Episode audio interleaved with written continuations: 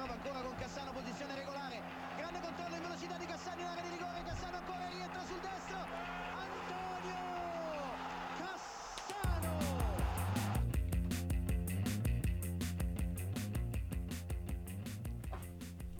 Góðan daginn og gleðild ár, hlustendur góðir Gamla eru með ykkur á þessu, já, nýja fallega ári eftir þessa löngu En svona, hvað, bara góðu pásu, skulum við segja Það er ég Þorgir Lóðarsson sem er með ykkur að vanda Og, og við hliðið mér situr Átnið Þórir Randursson Heill og sæll Já, blessaður, bara Þú- gaman að vera komin aftur og byrja þetta nýja tímbili í ítalska boltanum Já. eftir langa pásu. Já, þetta er svona svolítið þinn tími, þetta nýja árið ekki svona, Jú, þá einhvern veginn alltaf kikkar júundu sinn svona þegar að setni hlutin byrjar, þannig að þetta er, þetta er tími minn. já, það er sýkjala gaman að vera mættirinn aftur og, og ræða það sem við elskum Svona hennan blessaða bolta á Ítalíu En, en hérna, við erum ánans Björn Smás Ólafssonar sem að nýbakaði faðir á dögunum og við segjum alltaf til hamingju til hans bara til og, og fjölskyldunar Björn og Hjölskylda. já, við gætum hérna nýjan Calcio stuðningsmann það er ekki leiðilegt en hann verður mættur hérna eftir helgi og, og hérna Hann er í þessum árgangi, 22 árganginum sem að, á að vera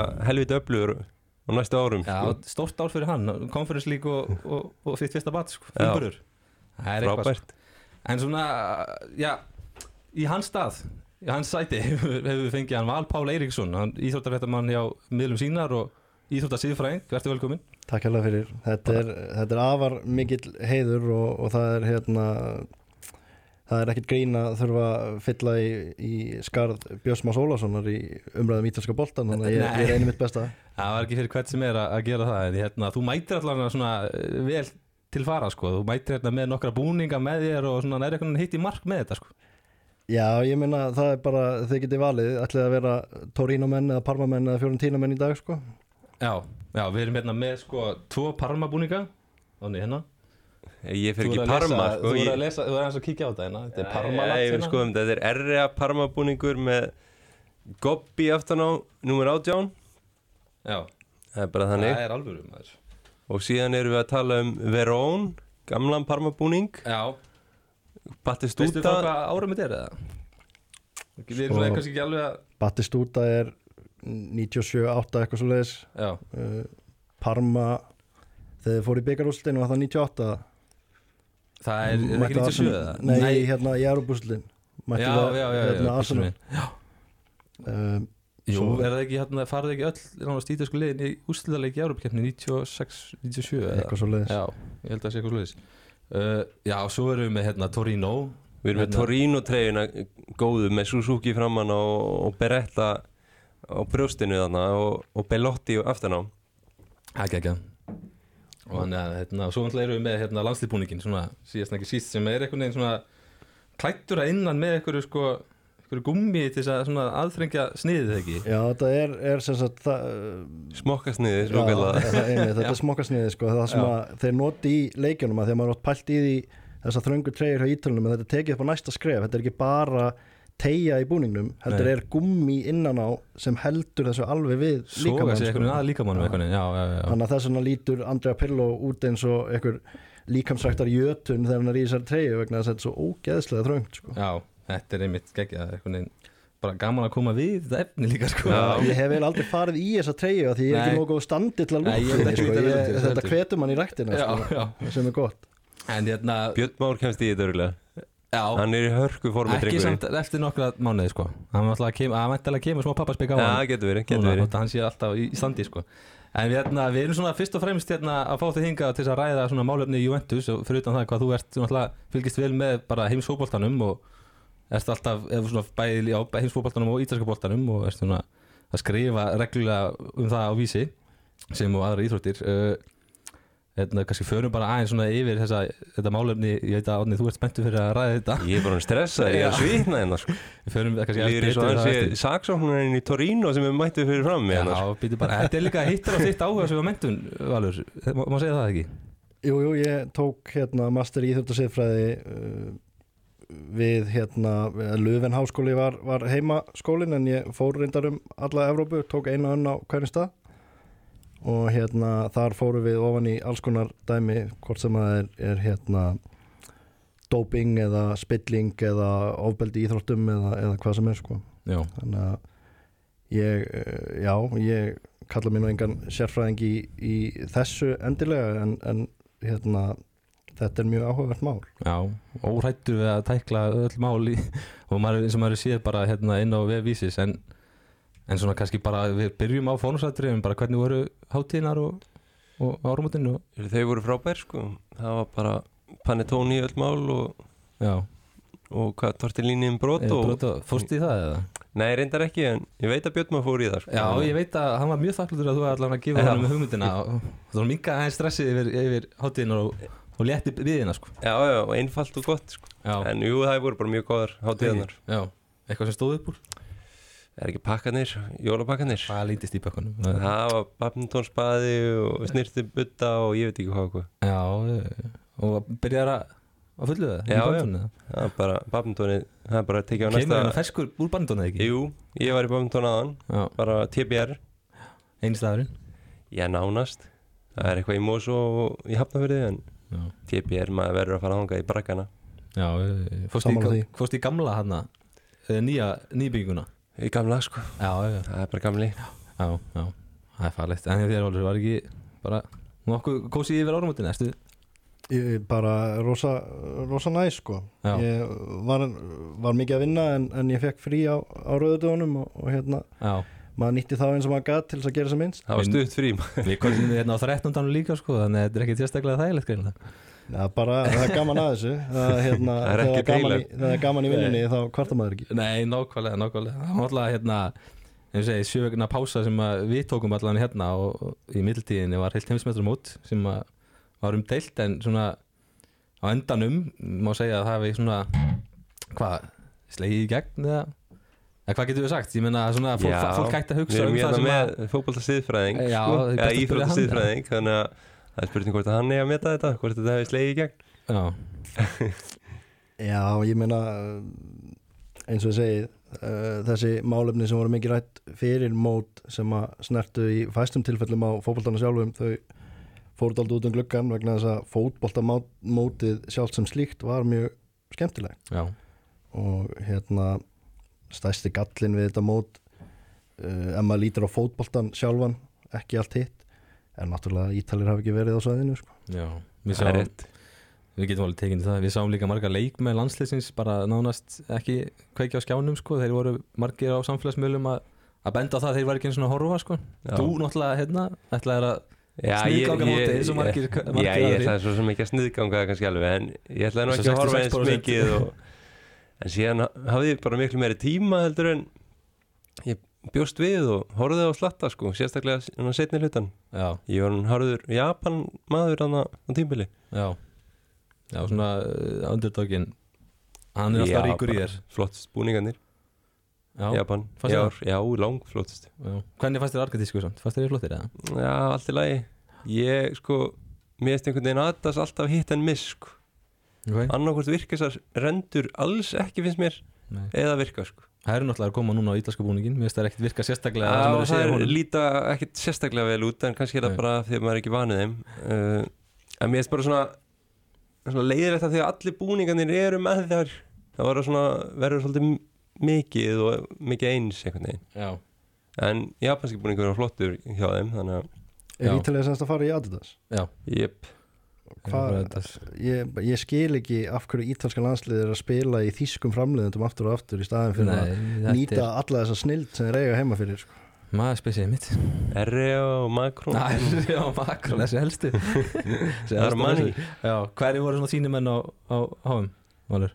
Ég hafði ógæslega gaman af, hérna, af þessu ævintýri á Marokko Já, og náttúrulega vissuleiti svipat aldrei til maður fekk svona smá aftur til íslenska landsins þegar þeir voru á EM-rauninu sko, að þetta er lið sem að hérna bara þjösnaðist svoleiðis í gegnum leiki og bara gott skipulag og djöfulgangur sem, að- sem að skilaði þeim svona, svona langt ég hafði rosalega gaman að því að, að horfa á það sko. já, það var svona fótbolta heipsturinn í þér sem að tók það eða ekki Má má- Já. segja það talandi um búninga, mér finnst þeirra búningur líka mjög flottur, eiginlega alveg eins og búningur sem voru á HM 98 uh, hérna, og mér finnst þeirra búningur líka mjög flottur hérna, og, og bara uh, já, heitlaðist af, af þeim á, á þessu móti og er þetta er greinlega hipsterinn, underdog dæmið sko.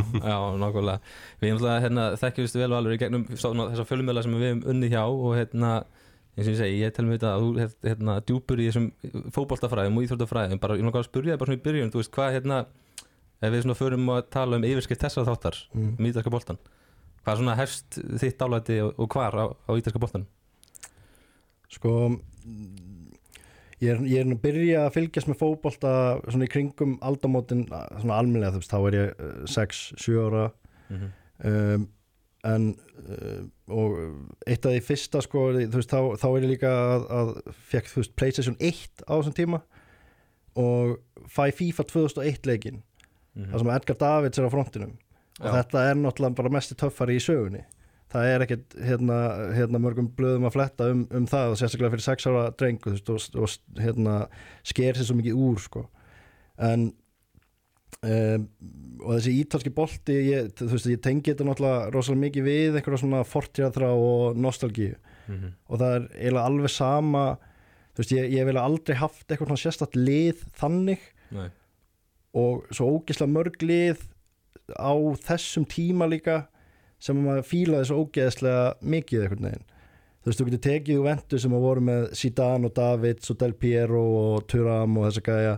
Þú með Fiorentina sem var með hérna, Rui Costa, Chiesa, Battistuta Di Livio og hérna, svo undla Roma, Totti, Del Vecchio Montella. Uh, þú veist, Interlið með Ronaldo, Vieri frammi Materazzi Parma náttúrulega, þú veist, búningurinn hérna þú veist, allir þess, þú veist, ég enda að mista þessu 90s liði en ég man eftir, þú veist, Adriano og Mutu saman frammi. En þú veist, er, það, er, það er svo mörg þú veist, AC Milan getur maður nefnt líka þú veist, tígul miðjan þegar Ancelotti var þú veist, það eru, það eru hérna öll þessi lið eru bara eitthvað svo töff og það er svo ógeðslega mikil nostalgía í, í kringum þetta fyrir mér, sko. Já, þetta er líka svona góðu tími þess að detta inn á ítalska boltan þarna rétt fyrir aldamótin ánni Já, bara frábær tími sko.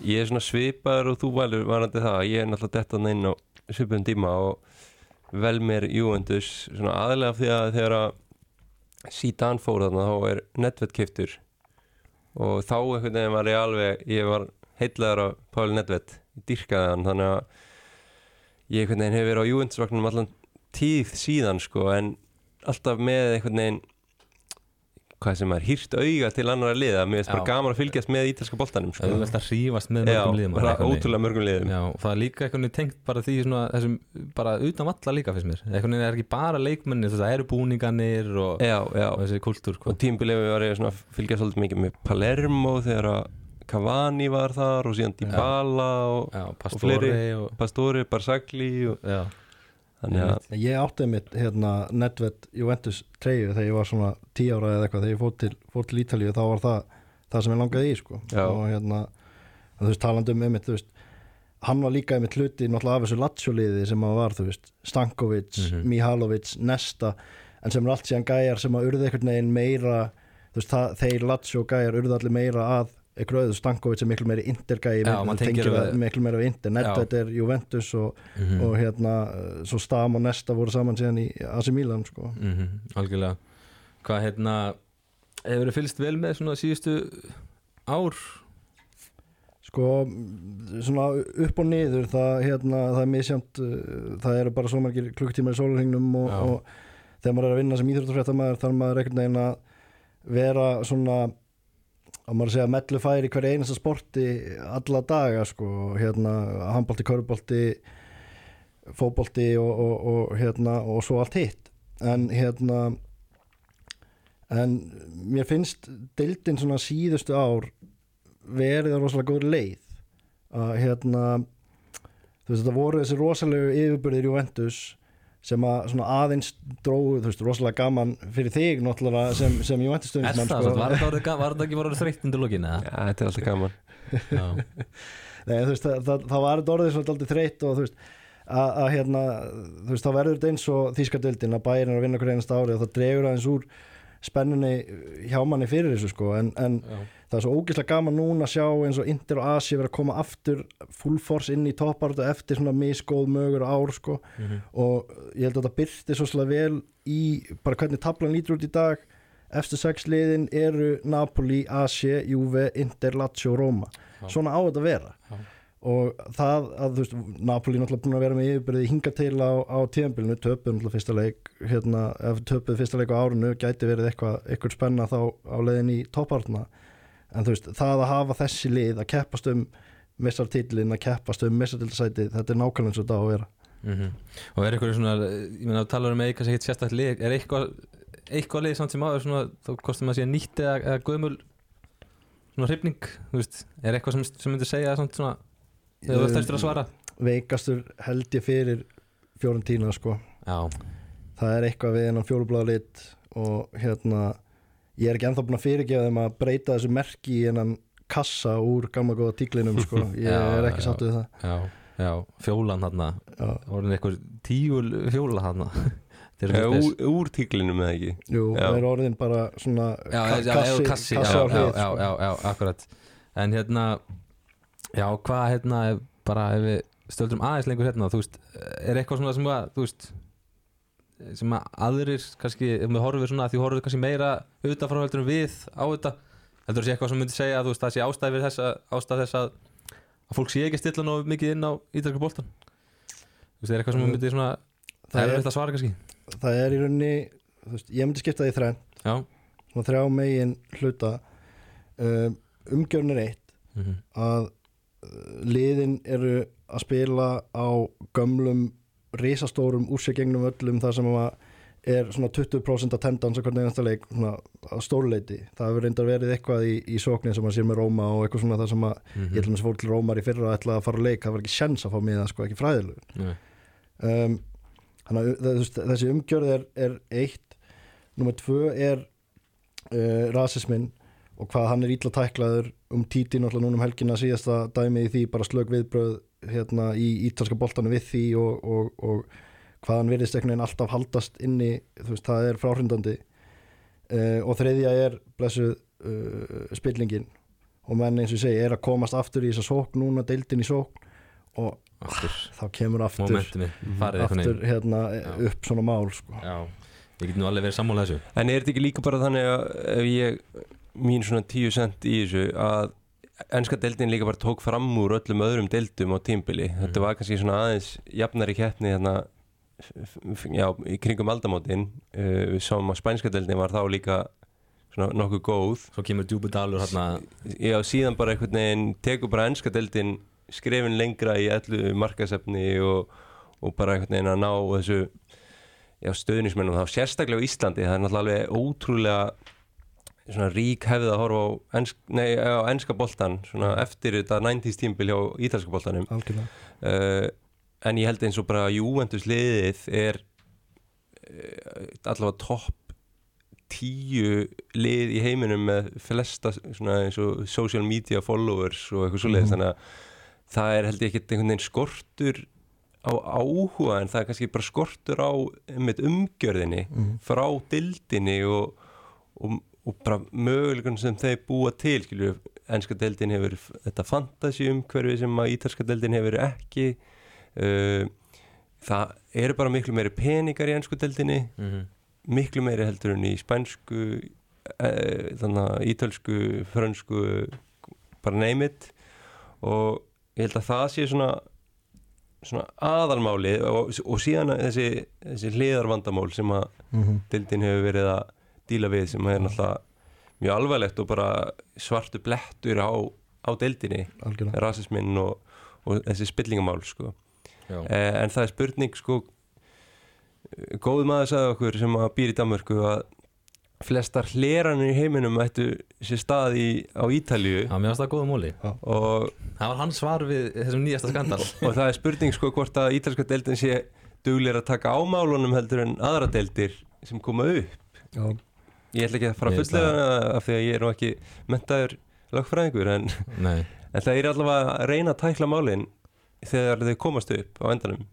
Já, og það er einhvern veginn svona eh, nánast alltaf verið að vinna að einhvern veginn, þú veist, þeir eru stanslaust eins og maður séð við heimildamundum bæði tengt Calcio Poli og öðru, bara þú veist, það verist vera allavega að það sé alltaf verið að reyna að höggva á þessa skandala, þú mm veist, það er bara og vjónlega er, auðvitað er það líka víðar en maður sér þetta svolítið svona þessi, menn sem eru að hérna, að, brjó, að koma með þessar brjóðandi fréttir eru með þess að bara, veist, þekktir í fjölmjölum sko, þetta er Já. bara gæjar sem eru bara alltaf að keira á félögin og það er greinlega svona, þessi smá svona menning fyrir þessu, svo má segja þú veist, að, að reyna að bæta leikinn á þennan nátt Já, við sjáum bara eins og í frönskudeldinu þá er PSG sem að já, stundar kannski að einhverju liti vafa sama financial fair play stefnu og, og City í, á Englandi sem að hefur verið að fá peninga frá sponsorum sem að já, eru jáfnvel ekki til.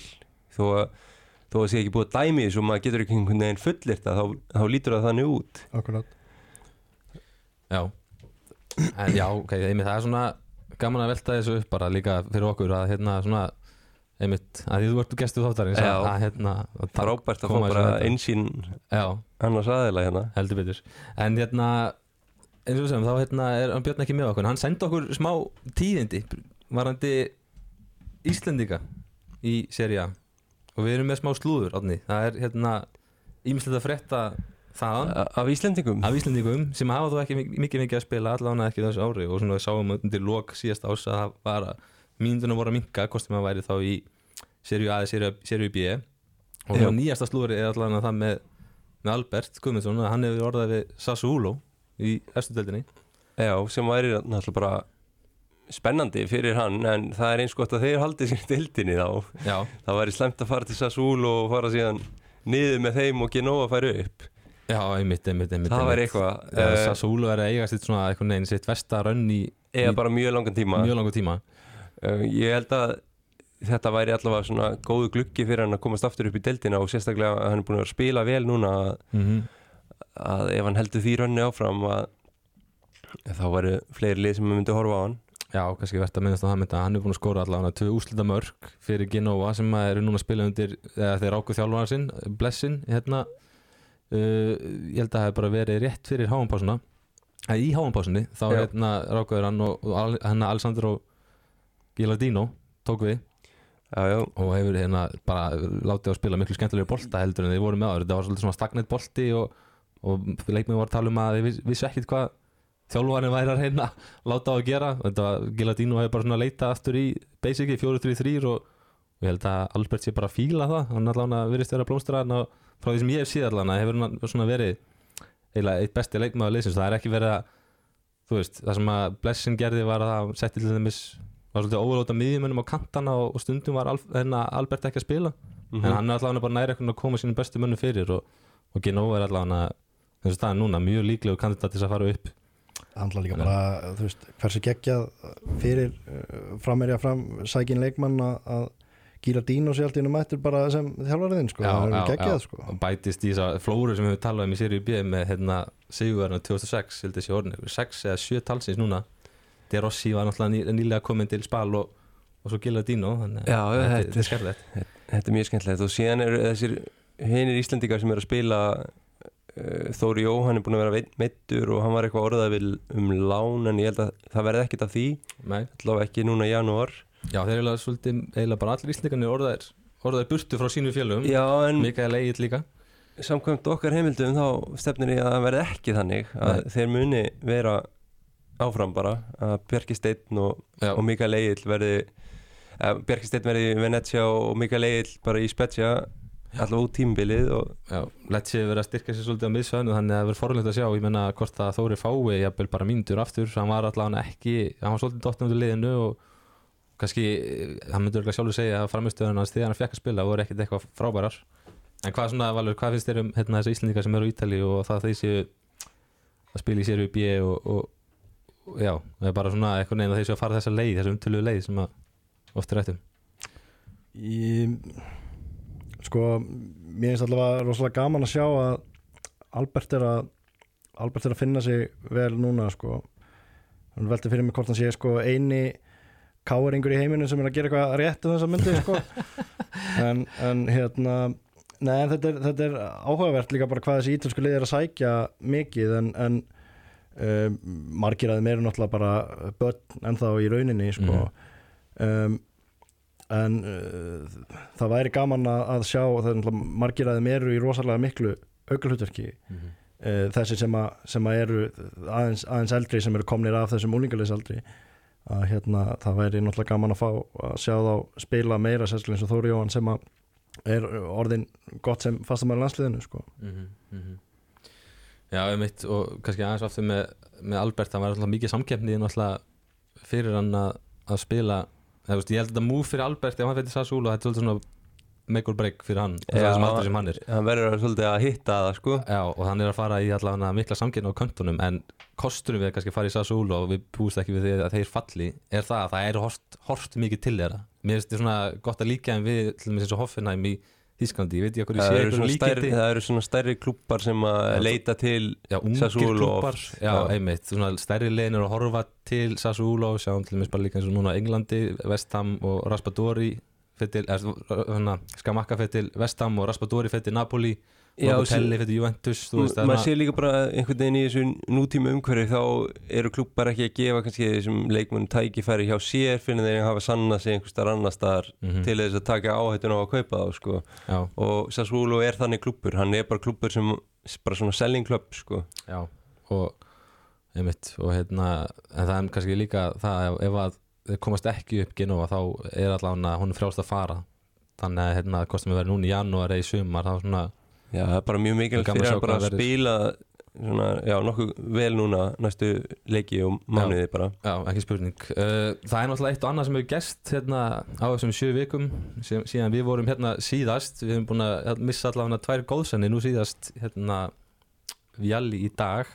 Já, bara ríkalega sorglegt að að þessi menn skulu kveða svona ungir og, og hérna báðir með krafuminn já, og Vjalli bara, þú veist, maður sér það líka bara umræðan í dag. Valur, hvað hérna tala vel um hann? Já og, og, náttúrulega bara algjörlega ömurlegt sko.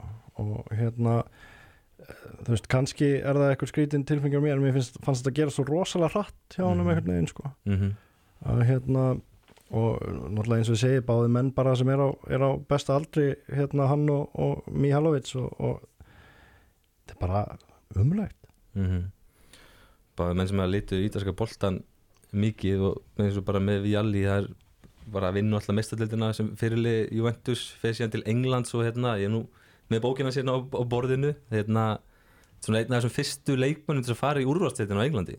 Mm frá Ítalíu. Frá Ítalíu Já, sem ítalsku leikmaður og fyrir þessa leik sjá hún kannski ekkert eitthvað rosalega mikið af því heldur.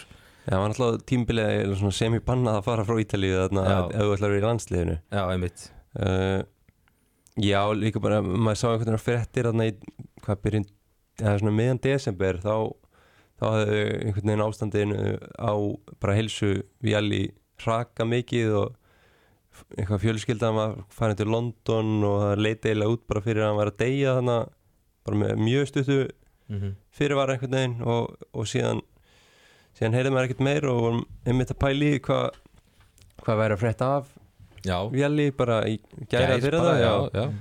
Og, og síðan bara sá maður þessar fréttir í morgun Já, við ætlum nú bara einmitt að tala um hann sama hvað, eða þú veist, já, við, Já, við ætluðum ætluðum að tala hann, Já, sko. já, og svo bara, hérna, er þetta fljótt að gerast Hvað, hérna, hefur, þú veist Þú náður að fylgjast eitthvað með honum inn á vellinum eða hvað, svona, nærði eitthvað af, af honum, Valur um, hver, að, hvað hann hætti 2000 eða? Já, það ekki, Er- tekur hann ekki við Chelsea hérna er bara spilandi þjálfari hérna í, í einhvern, einhvern tíma og ég vann hann ekki byggarn hann á 2000 en þú veist það, það er svona í, í árdaga minnar hérna uh, minns fótbolta áhors þannig Já. að ég, ég náði nú ekki miklu á honum blessuð.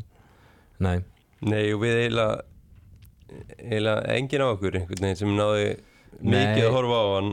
Maður Eh, mann svona rétt eftir honum bara svona alveg undir lokinu og svo þegar hann tekur við sem stjóri þá mann maður svona, hann byrjum maður að munna eftir honum svolítið. Já, bara uh, sást einhvern veginn í dag hversu hann var bara vinsæll hvar sem hann var. Mm algjörlega. Sást virkilega mikið í frábær dag. karakter greinlega og, og, hérna, og, og, bara þú veist fyrir utan, fyrir utan hæfileika sinna á vellinum bara geggjaður geggjaður náungi sko. Við, hérna, við bara Já, þetta eru leiðilega í á þá. já uh, svona kannski skrítið að fara á þessum fréttum yfir í samt líka leiðilega fréttir. Það er þetta sem við ætlum að ræða bara sérstaklega í dag með Juventus. Það er alltaf það sem hefur gest líka í millitíðinni er að, að upp á yfirborðið hefur komið hérna, já bara fregnir um það að, að Juventus standi í mikil krísu vegna því að þess að þeir að vera að hlýðra til bókaldi hjá sér og hérna náttúrulega við hefum séð bara og eins og við rættum undir lók síðast ás að þú veist þetta orðspor hjá Juventus hefur farið svolítið dýnandi svona sérstaklega á síðasta ári og mögulega aðeins aftar en það ég menna að þeir náttúrulega eru mjög framalega á þessari Super League lest sem að náttúrulega var Mhm. ekki vinsæl og, og þeir draga sig, ég veit svo sem ekki alveg hvernig það kom til en þeir til dæmis eru ekki í FIFA leikjunum og, og hérna fútbolmann til leikjunum En þeir eru komin í FIFA aftur núna komin í FIFA aftur eða ekki, Jú. dutt aðeins út þarna og það var eitthvað viðskipt ákvörðun hjá þeim eða ekki að, að draga Jú, sig þeir úr ger bara svona exclusive samning við við þarna PES Já, við hinn leikja framleiðendan Já, og svo náttúrulega varðandi þessa áskýslu sem að við tölum um að mikill viðskipt halli hjá þeim upp á, upp á hvað margar Já, 250 miljón eurur Eða eitthvað sem að eh, var tap á síðast ári. Uh, síðan voru þessar já, komið svona fyrstu umræðunar um þetta einhvern tímann í kringum sum, einhvern tímann í sumar held ég að það væri verið að rannsaka einhverja einhver brota eða einhver brota einhverjum reglum eh, sem að áttu að hafa átt sér stað þarna COVID-tímanum mm.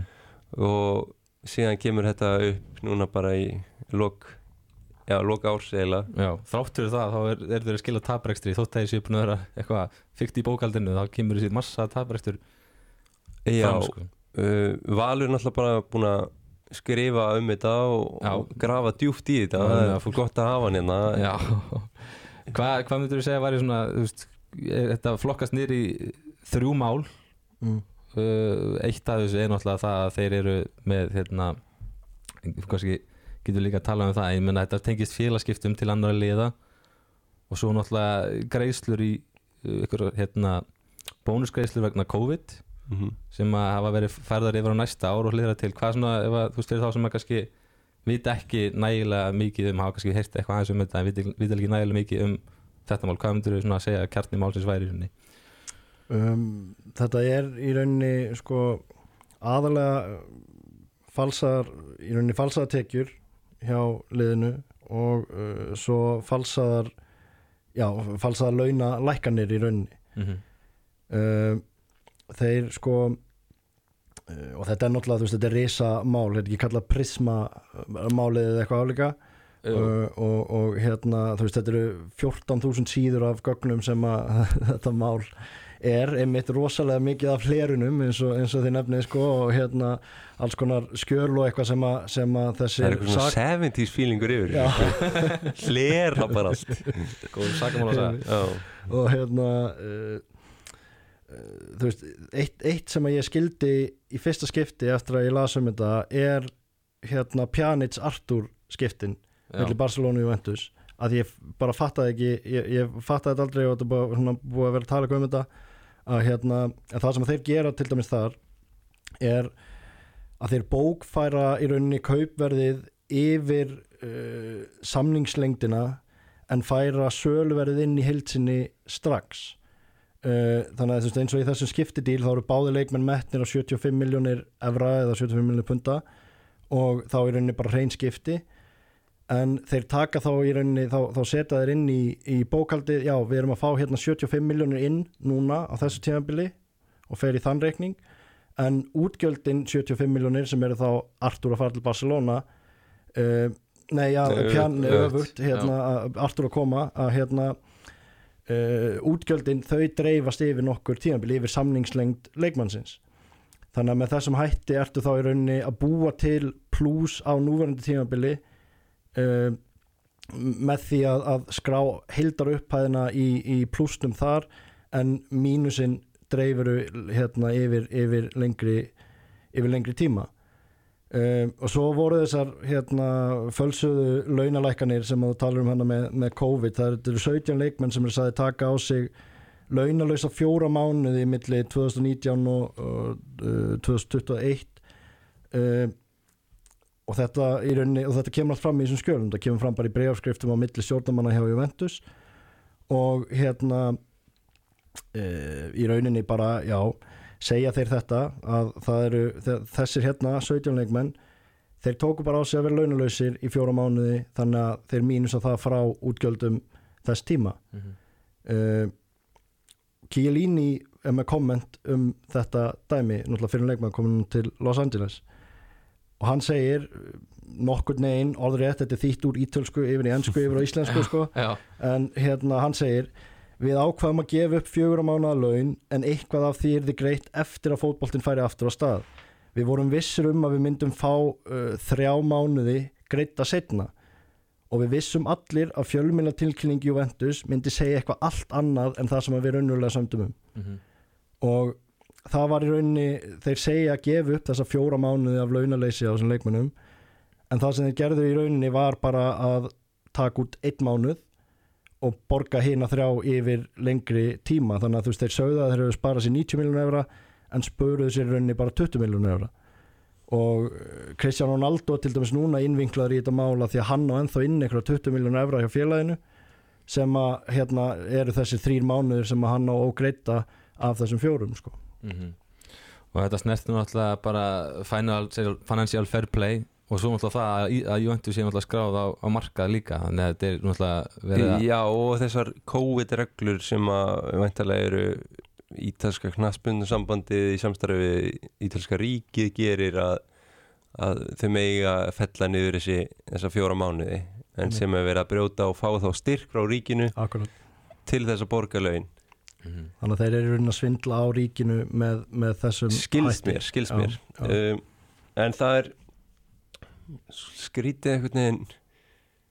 Ok, það er COVID uh, það er einhver stjórnumenn sem koma á æfingarsvæði og segir heyru, við þurfum að skera niður launin fjóra mánuði, það er bara COVID og vesen skilju, og eru leikmennin bara já þarna slepp með einu mánuði, við skulum taka hérna mánuða þeirra, þeirra undir borðið skilju mm. eða var þetta bara Ronaldo skilur af því að það hljóma líka þannig að einhvern veginn að Ronaldo hafi, þetta var ekki hægt út að Ronaldo neita að gera þetta eða eitthvað svo leiðis ég bara, Já, það kannski fara, það fara var einhver- náttúrulega eftir að fara aðeins betur yfir þetta með Já. tímanum Já, sko. en en mér stóð alltaf skrítið bara að þið hafa ekki náð að semja við leikmennin að fella niður þessu fjóramánuði Mhm. Akkurat, í launum sko. En það var í rauninni einmitt samið um það og þeir, þú veist við erum í svona rosalega erfir í stöðu núna og við erum bara, þú veist, liðið var bara að, að hemorrhatja peningum sko að, að þá var þeim í rauninni lofað við borgum þá þessa þrjá mánuði sem er eftir þegar að fótboltinn fer aftur á stað og við fáum aftur eitthvað cashflow inn í, inn í félagið og, og Mhm.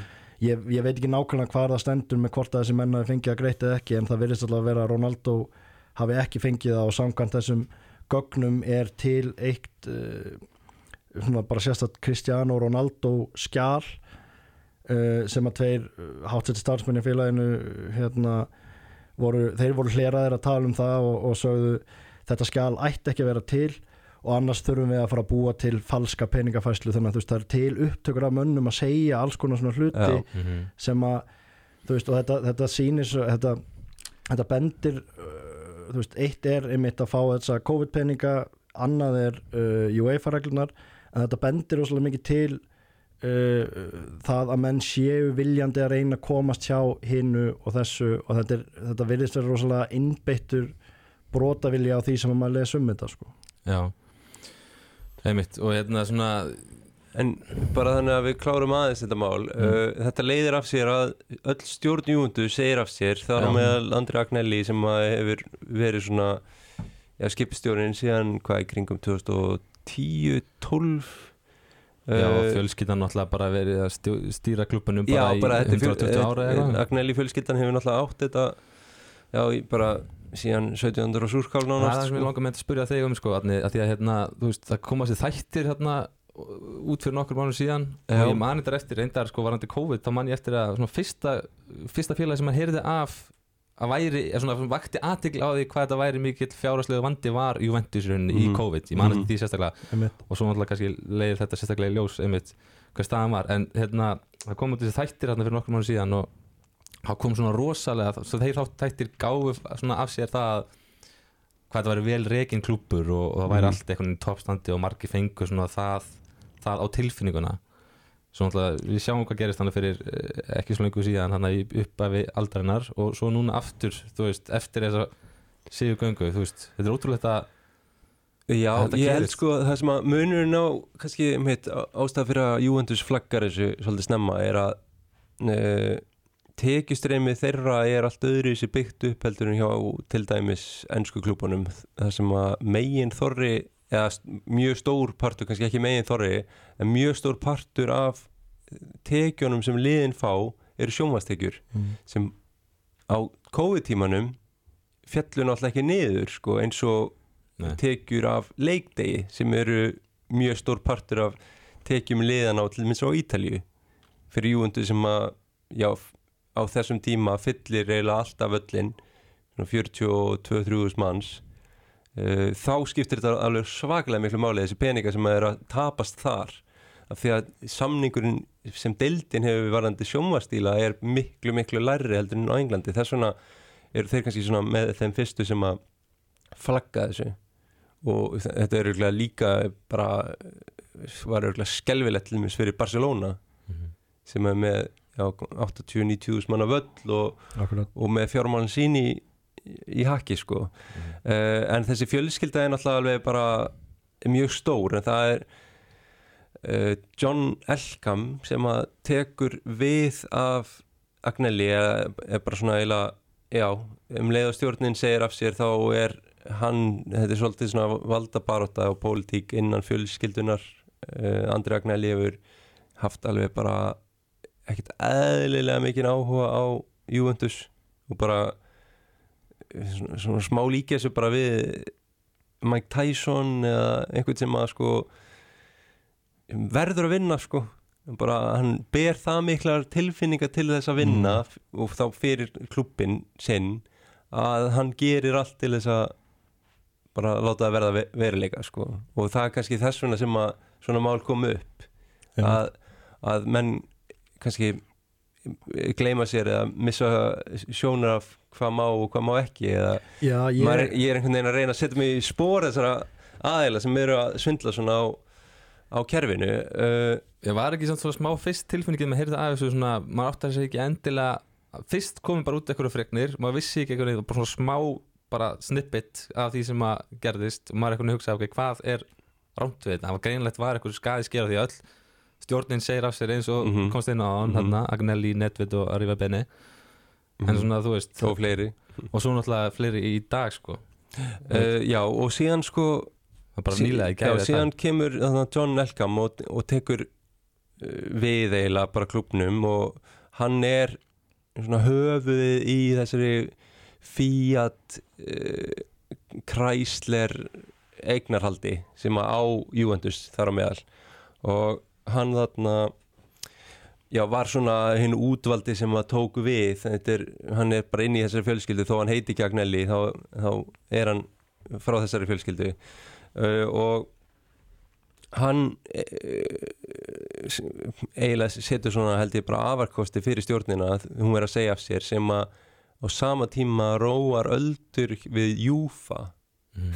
Þetta er, þetta er líka eitthvað svona pólitík á mi- milli Ítalju eða knaspindu sambands Ítalju, Júfa og þetta Super League. Agnelli hefur verið mikill talsmaður Super League og það náttúrulega fer ekki vel í Júfa. Þannig að þeir eru sáttir væntalega að Agnelli hætti og það séu svona góð tíðindi fyrir þá og þess vegna ætli Júventus að fá kannski svona meiri samúð hjá Júfa að hann sé farinn. Uh, en hann er sem sagt að reyna að mynda nýja stjórn á samt náttúrulega bara hluthöfum félagsins sem er á markaðins og þú sagðir á hann og, og það er búið að finna einhver aðeila sem að eru með rosa mikla bókalsreynslu bara svona aðeila sem hafa verið að stýra stórum fyrirtækjum, Mm. fjármálastjórar í stórum fyrirtækjum af því að það virtist vera að þarna hafi verið kannski svona smá bara það þarf rétt eitthvað orðspóra af núna Já, það, það bara þurfti eitthvað aðeins að fara að skoða bækurnar, skil, 250 miljón evra tap og síðan búið að vera að fixa eitthvað bæ- bækurnar og þannig að það er, þetta verður áhugavert að sjá hvað gerist núna, þetta gerist einhvern tíman í lok janúar, þá er einhverja fréttir Já. að hafa fara á þessum já, stjórnaskiptum og, og, og þessum málum, sko. Já. Já, talar um þetta með sko, Agnelli og, og þú veist hvað mögulega liggur á baki eða hvernig þetta gerist sko, að alltaf þessi fjölskylda er bara eins og uh, þú veist, ef að, ef að Ítalía væri með konungsfjölskylduna, þess að þetta er eins og Kennedy fjölskyldan eða eitthvað þetta skilur ég, þannig ég, sko. ég las, um, las eitthvað um daginn að, að sko það væri 5% af, af hérna, GDP eða landframlýslu þú veist, það væri bara þessi fjölskylda eiga náttúrulega Fiat og Ferrari og fjölmjöla veldi og eitthvað sko en, en uh, þú veist, ég tengi þetta aldrei við einmitt þessa þú veist, þetta, þetta er svona skort á, á, á ábyrðið eða svoleið sko, þegar þú átt allt og mátt allt og ert komin á svona rosalega mikið herri stallin allir sinni að þá hérna þá á siðferðisveitundin daldi til að, að víkja og þú veist byrtist í uh, byrtist í til dæmis hérna Hollywood stjórnum sem hafa verið að lenda í skandalum út á ofbeldi eða eitthvað svona, þú veist, þú verður larger than life og þá finnst þá, þá fer, þá, þá finnst þér reglunar sem eiga við um almenning kannski ekki eiga við um þig sko. Nei.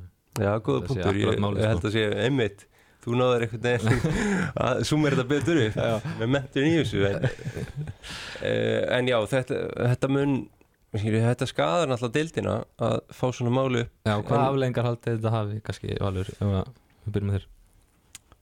Já, þú veist, eins og ég segi veist, þessi, þessi er deildin er búin að vera rosalegri sókn f- þú veist, er mín tilfinning ég þekki ekki nákvæmlega tölurnar en, uh, og eins og, eins og þið seg- sögðu sko að þú veist, enn skólastöldin þú veist, greip þessa gæs þegar skandal kom upp á Ítalíu 2006 Kalkjópóli og, og hérna e, er orðin risastóri í, í, í samanbyrði og það er rosalega leðilegt þegar þetta er einhvern veginn á uppleið að, að, þetta hrinni eða þú veist að það er hægt við því að, að hérna, hún missi credibility út af þessu sko og, og það verður mjög áhverð að sjá hvað verður með Juve að því að þú veist þeir hérna, þú veist þetta, þetta er lögliðvöld sem er að rannsaka á Ítalska knaspunni sambandi er að rannsaka á uh, UEFA er búið að opna rannsókn, gera það í desember í sambandi við financial fair play út af þessu öll saman. Og uh, svo UEFA ennþá eftir að hérna, ákveða refsingu fyrir þá og Real og Barca út af ofurdeildinni. Þannig að það er alls konar hérna, sorry Alls konar bara, veist, það er alls konar skítur sem að hangir yfir félaginu sem að, sem að gæti komið ítla út uh, á, á þess ári sko. Já, Já, klálega sko, ég er bara því miður við gætum séð eitthvað, stig dregin af þeim og, og grófustu spár talað um það að þeir gætu mögulega enda í deildinni fyrir neðan ef að þetta Já, Já. svona ef, ef að sko eins bara það sem við voru fyrir Ég ætla mörgum bara- árum síðan. ég ætla alls ekki að afsaka þetta neitt sko en uh, ég held að þetta sé ekkert einstæmi að Juventus eða já, nokkur aðrir klúpar á Ítalíu séu að fixa eitthvað eins í bókunum sínum til þess að ná betri árangri? Nei, nei, ég, ég held að það sé sé svona algengar heldur en það að þetta sé bara alltaf Juventus sem er að gera þetta og Já, engin líka- annar sko. Við hefum líka talað um hvað Juventus hefur svona stórt skotmark á sér á Ítalíu, þú veist, stærsta fanbase og flesti sem að hatta á, þú veist, þeir eru já, alltaf eða í bara Sviss og líka, skilur, þarna, ekki bara á Ítalíu bara allstaðar, sko. Já, það, það er náttúrulega COVID var bara virkilega erfiðu tími fyrir fótboltan og íþróttir bara almennt. Einmitt. um, en ég sko þeir voru dæmdi niður þarna 2006 uh, og það var náttúrulega fyrir það að vera að aðeins- handvelja dómar á leiki og og þarna já bara nauðungavista dómara og, og, og fleira sko. Já, um, það er náttúrulega kannski einhver leiti fordæmisgefandi að, að það sem búið að gera það. Það er verið að draga stig af liðum um allan heim sem að er að eh, tapa peningum eða fari gjaldþrótt og alls konar á Englandi og, og á Ítalíu. Palermo var náttúrulega dæmt niður um, eða bara gjaldþróta og, og stopna nýtt lið sem er samt sama liðið og þurft að byrja bara í fjóruðu deldi eða mann ekki síðan sitt í grúpu og kaupa það uh, og þeir eru uppleið. Mm, en það er já ég held að uh, það, auðvitað er það líka sko af því að það er búið að dæma einu sinni fyrir spillingu já. það hlýtur að vera svona uh, þú ert ekki að gera þessi mistök aftur sko. En ef þú lítur í kristaskóluna heldur að heldur að verði tekið stig af þeim og Já, ég held að vera klárlega að tengja stiga þeim. Mm, En ég held Ég held að það verði ekki dæmdu niður um deild. En svo, þú veist, ef að UEFA fer full force og, og hérna, að því að, að því að þannig er einhvern veginn virðist vera að menn sé að fara uh, svona gera sitt ítrasta til þess að uh, bækurna líti vel út og það þýð, þýðir líka að þú ert þá að fiff eitthvað til fyrir financial fair play eða semst hátvísireglunar sem að segja til um að þú mátt ekki skila x miklu tapi á ári. Að hérna lið hafa verið bönnuð úr Europakefnum fyrir að brjóta þær reglur og, og svo UEFA eftir að refsa fyrir ofdeldin ofan á það. Þannig að ef að lið er að missa út Europapenninga ofan á hitt mm þá eru þeir í vanda stattir sko. já. Maður heldur eitthvað alltaf að þessi klubur sem kemur tilbaka og hann hefur náttúrulega bara fyrir Calciopoli líka og undan náttúrulega lendi ímsu og komið tilbaka þú veist ég minna þetta er svona það er svona það er stórt big, too big to fail eitthvað neginn í stóra Já, samlíkinu sko, lengur tímanum. Þetta er svona smá eins og þú nefnir að þetta er svona eins og mínikonusfjölskylda þannig að það er svolítið erfitt að, að fara að taka einhvern veginn hjarta á þeim en, en heldur að hérna Valur að, að þú veist eins og Otni segir að sé miklu vittakara heldur sé til, sé til hérna, miklu vittakara dæmi um þetta annar staðar, kannski gefur auðvitað leið en heldur að svona þessi stæstu klubbar annar staðar í öðrum löndum séu svona á svipum stað og Juventus með fjármála sín ég held að séu og það alls sem þeir eru að gera ég, ég meina að ég held að séu alls konar bókaldsfimlingar í gangi víða sko. Já. að hérna og, og uh, náttúrulega fótboltinn líka bara peningarnir aukist það mikið eins og, eins og þið töluðum ítalska deildinu miklu neðar heldur en League í, í peningunum og eitthvað svona en þið sjáuð alveg hvað hvaða krú er farið að draga inn sko. þau ert komin með hérna konungsfjölskyldur í, í öllum mestu mannvindabróta löndum heimsinn sem er að, er að koma inn í þetta skilur það, það, er, það er alls konar hérna, alls konar fyrirlegi hluti sem eru farin að, farin að eiga sér stað og, og peningarnir eru orðnir það miklir að, að, að hagsmunir eru enn stærri og þar að leiðandi meiri kvati til þess að sveia hjá hinn og þessu til þess að hérna, koma betur út í pluss sama hvaða hagnað þú ert að sækjast eftir eins og þú veist þessi Araparíki er að sækjast eftir hagnaði í formi þess að, að þeir eru að mynda tengsl við valdafólki í Európu og reynsa sín mannindabrót aðrir er að leita eftir fjárhagslegum hagnaði og svo er einhver aðrir sem eru kannski bara ríkir gósar sem að vilja vera frægir og flottir sko.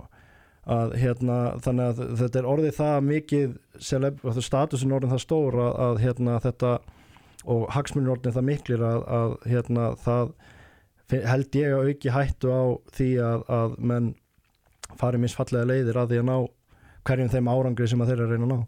Já, Já við erum búin að tala um þetta Já, ég held að það sé bara svona Já, bara ef, við- ef, við mætti enda þetta sko, ég held Já. að það sé bara tækifæri fyrir uh, klúb eins og Júndus að að bretta upp verðmarnar og bara reyna að laga hlutina og, og, og gera það almennilega og bara sami fyrir dildina og, og náttúrulega líka bara Júfa mér veist að þegar ég að vera harðari við bara öll lið mm. einhvern veginn í þessum málum Það tala eitthvað um að Del Piero sé líka koma berga málunum Já, ég held ekki svona, nei, svo veit maður ekki. Nei, en kannski hérna, já, ég segi þá erum við búin að taka alltaf grótarða yfirferð Já, þessu og gaman að, gaman gaman að að fá val hérna inn og, og ræða þetta sko. Já, við erum ekki búin, við ræðum aðeins hérna boltna sem var, það var alltaf umferð fyrst að vera ásins og ég Aðalmálið maður. Aðmálið það sem gerist inn á vellu ég hérna eldaði sem á markasúpu, skulum aðeins heyra frá því helsta sem að gerist um helgina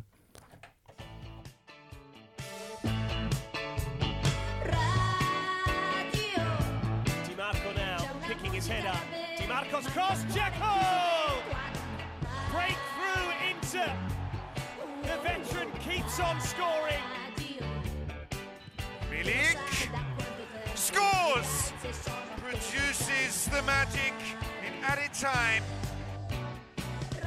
Rafael Leao around Ochoa. Can he finish? He can. Back on domestic duty. Back with a goal.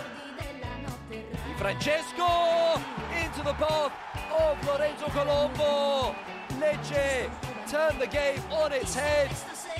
Coutinho in the way, and it's bundled in by Pasalic. And of course, good. He always scores against Spezia. Spezia 2, Atalanta 2. Ladea come from two goals down.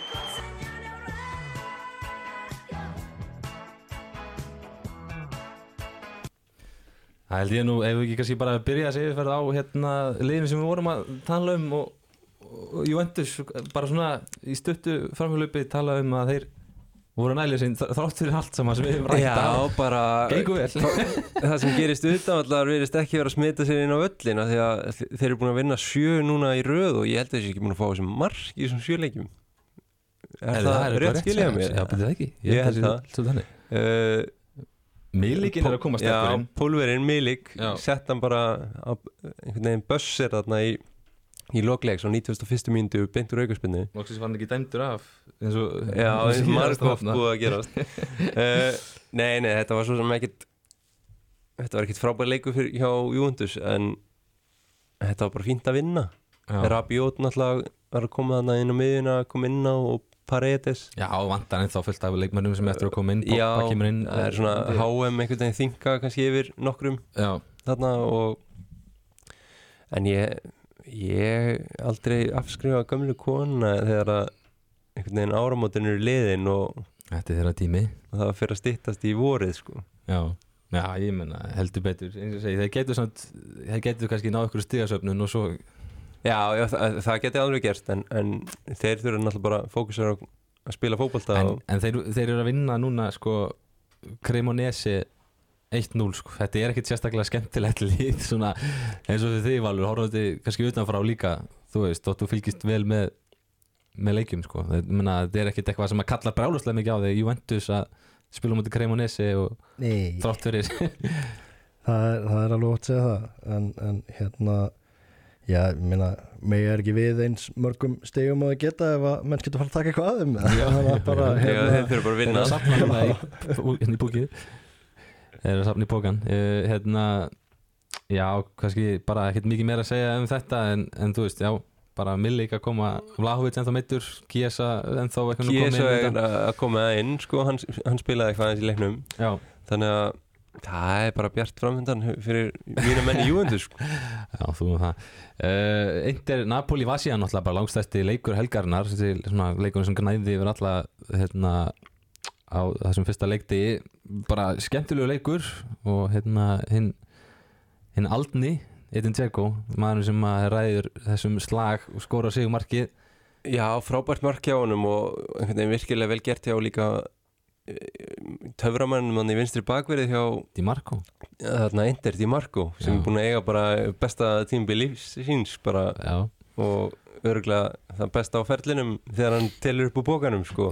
Já búin að halda góðsens út hana og veit ég hvað Já og, og þetta var bara mjög góður sigur hjá Ender gegn alltaf bara hörku liði Napoli.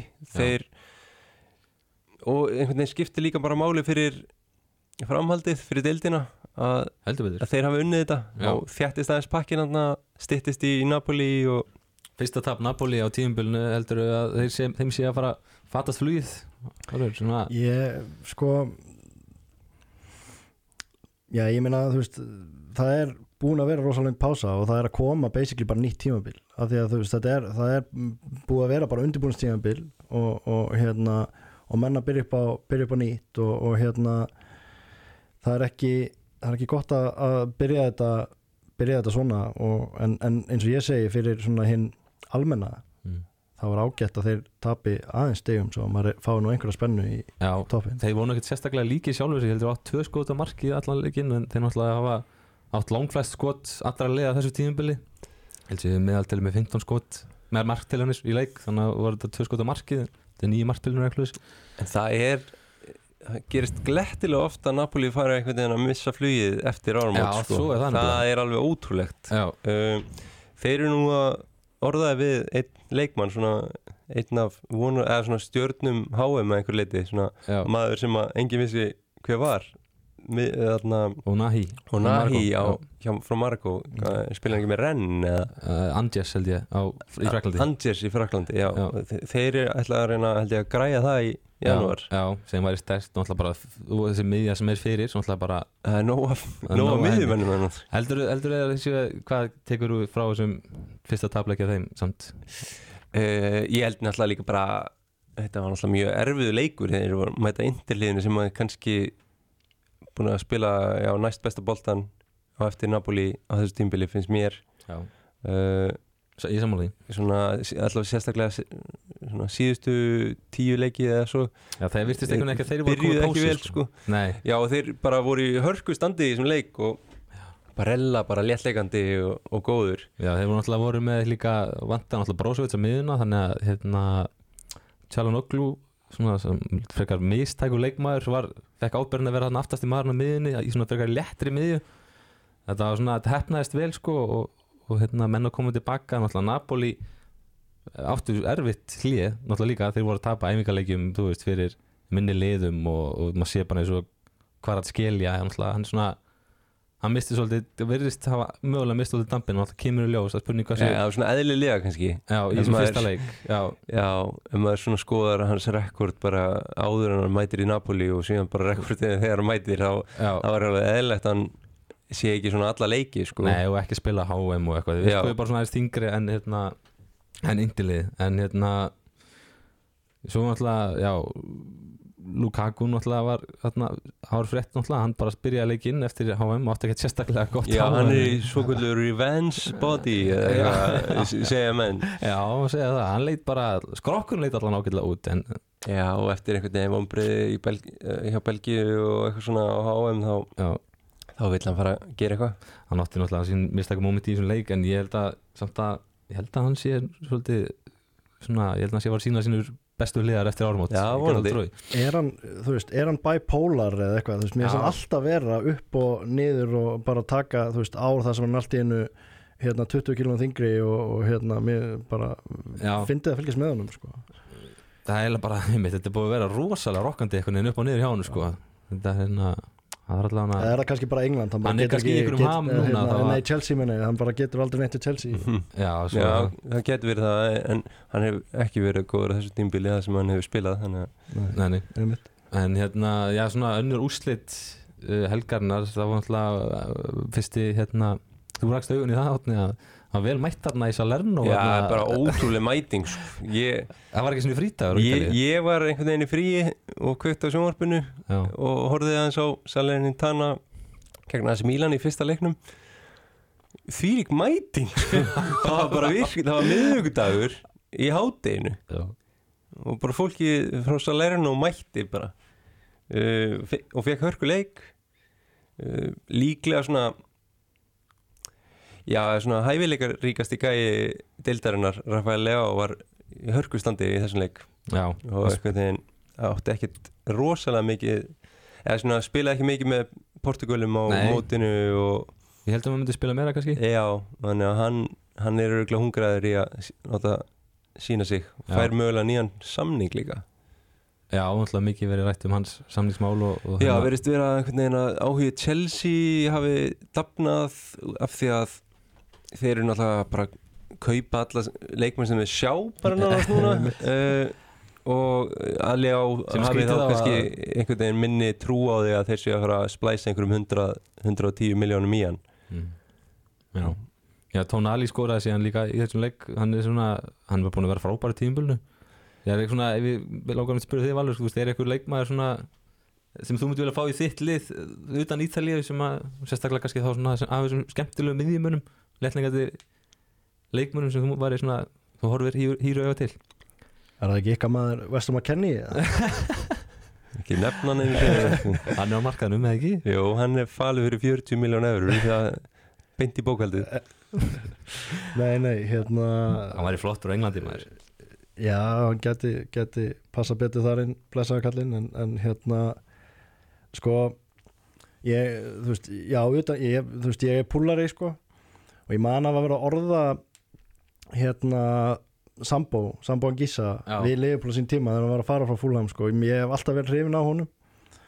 Uh, en þú veist, þessi Barella gæi er náttúrulega ótrúlegur sko. Uh, og svo þú veist, ég sakna daldið að því að þessi félagskipta þetta félagskipta dæmi í dag er allt orðið svo uh, þú veist, það er öll þessi greiningavinna og alltaf þeir eru keiftur, þá er bara já, þeir eru búin að fylgjast með honum síðan 2014, þú veist, Mhm. og, og hérna tölfræði greiningarnar og allt það þú veist, ég sakna gamalla good shit HM kaupa, sko Já, bara það sem að þú veist ekki alltaf búin að heyra af honum með að hann ný.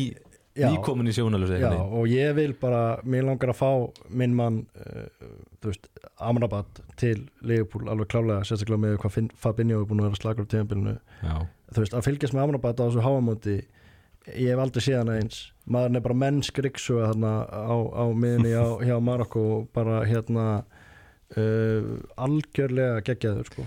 Við lístum nú leik með Amrabat hérna fyrir á tíðanbölinu þar sem við svona þreyttust alltaf á honum mástu. En á, hann var hann- alltaf geggjar á honum sko. Já, hann var frábæra háum en hann er svona búin að vera upp og ofan hjá Fiorentina sko. Já. um, Þannig að Það hvað hann gæti alveg verið svona típisk háumkaup sko, algjörlega fyrir þig að, að svona stjarnar háum og síðan Já, þetta er algjör eitthvað steinklumpur líka með dalar hann sko. ekkert að Leopold kefti Diouf og Diá hann að Senegal Já, eftir það háan var 2002 stemning, það fór, fór ekki vel sko, en, Nei. en Nei, hvað er það? Nei, nákvæmlega Já, það væri stemming að Amrabat.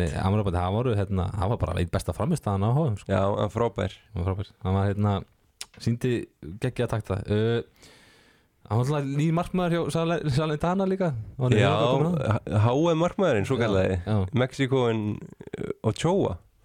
Hann var í stuði? Hann var, já svona sæmilegu stuði. Já. Hann var smá einhvern veginn riðgaði þegar hann mætti þarna Fekk á sig svona Já, ekki rosalega, hann fór í útlöp við Ljá og komið bara í algjört ras og, og hann bara komst fram hjá hann og skoraði er þetta ekki maður líka sem er virðir pásuna eftir háum með hann er líka kannski Já, aðeins í þess vegna því komið þér á óvart að væri þarna eða skilju, Já. kemur til Salernitana einhvern veginn 1. janúar bara. 36 ára eða eitthvað sem hann er Já, og það er einhver samfæringakraftur hjá stjórnamönnum Salernitana af því að Já, þeir fá alltaf bara einhverja svona, einhver nöfn sko, Ríberi og þennan og, og fleiri. Já, Ég var geggjað að sjá að ég horfði á hann hérna á hann að sé sælutinn tannleik mér er bara geggjað að sjá Ochoa, ég held ég fyrsta skipti sem ég sé hann spila með félagsliði sko. Já, maður sá hann alltaf bara fjórar á fresti sko. já, þannig að hérna þú veist, jú, jú, fór ekki alveg nú vel hjá honum en, en bara Hann verður flottur hann sko.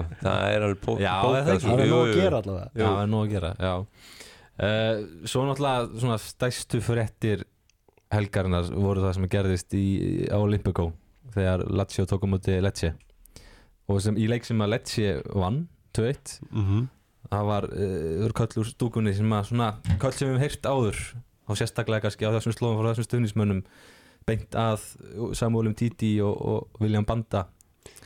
Já, og ég vil bara, ef einhver er að hlusta frá ítölsku deildinni, hvetja uh, forraðamenn deildarinnar til þess að taka alveg á þessum hlutum af því þetta er alveg óþólandi ég hef nú farið á, á öllin á ansi mörgum stöðum og, og það er einhvern veginn ansi oft sem að maður heyrir eitthvað, einhver rasisma í stúkunni.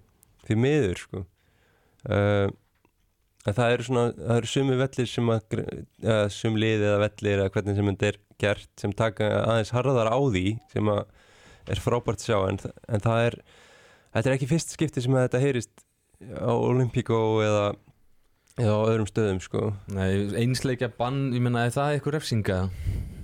Hvað finnst ykkur?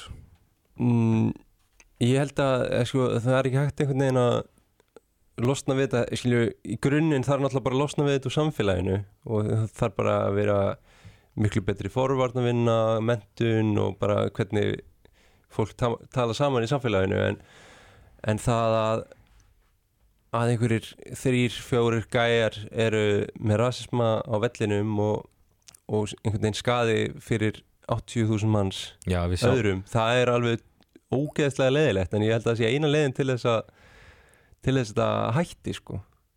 Bara að það verði tekið bara virkilega mikið á þessu. Já. Þetta er náttúrulega það er alltaf verið að tala um eitthvað kick racism át og fara í einhverju átökl að losna við rasisma en þegar einhvern veginn á hólminni komið að, að díla við eitthvað þegar það kemur upp þá er ekki tekið nóg hart á því sko. Nei, ég sko uh, var aðeins að skoða þetta á hann ég hérna rifið upp dæmi af hérna Moise Keane frá 2019 þegar hann einmitt lendi í svona rasistum úr, úr stúkunni og, og hérna svo skora hann mark í leiknum og fagnar markinu með því að augra áhörvendunum sem að voru að láta hann heyra það fyrir, fyrir það eitt náttúrulega bara að vera dökkur og hörund.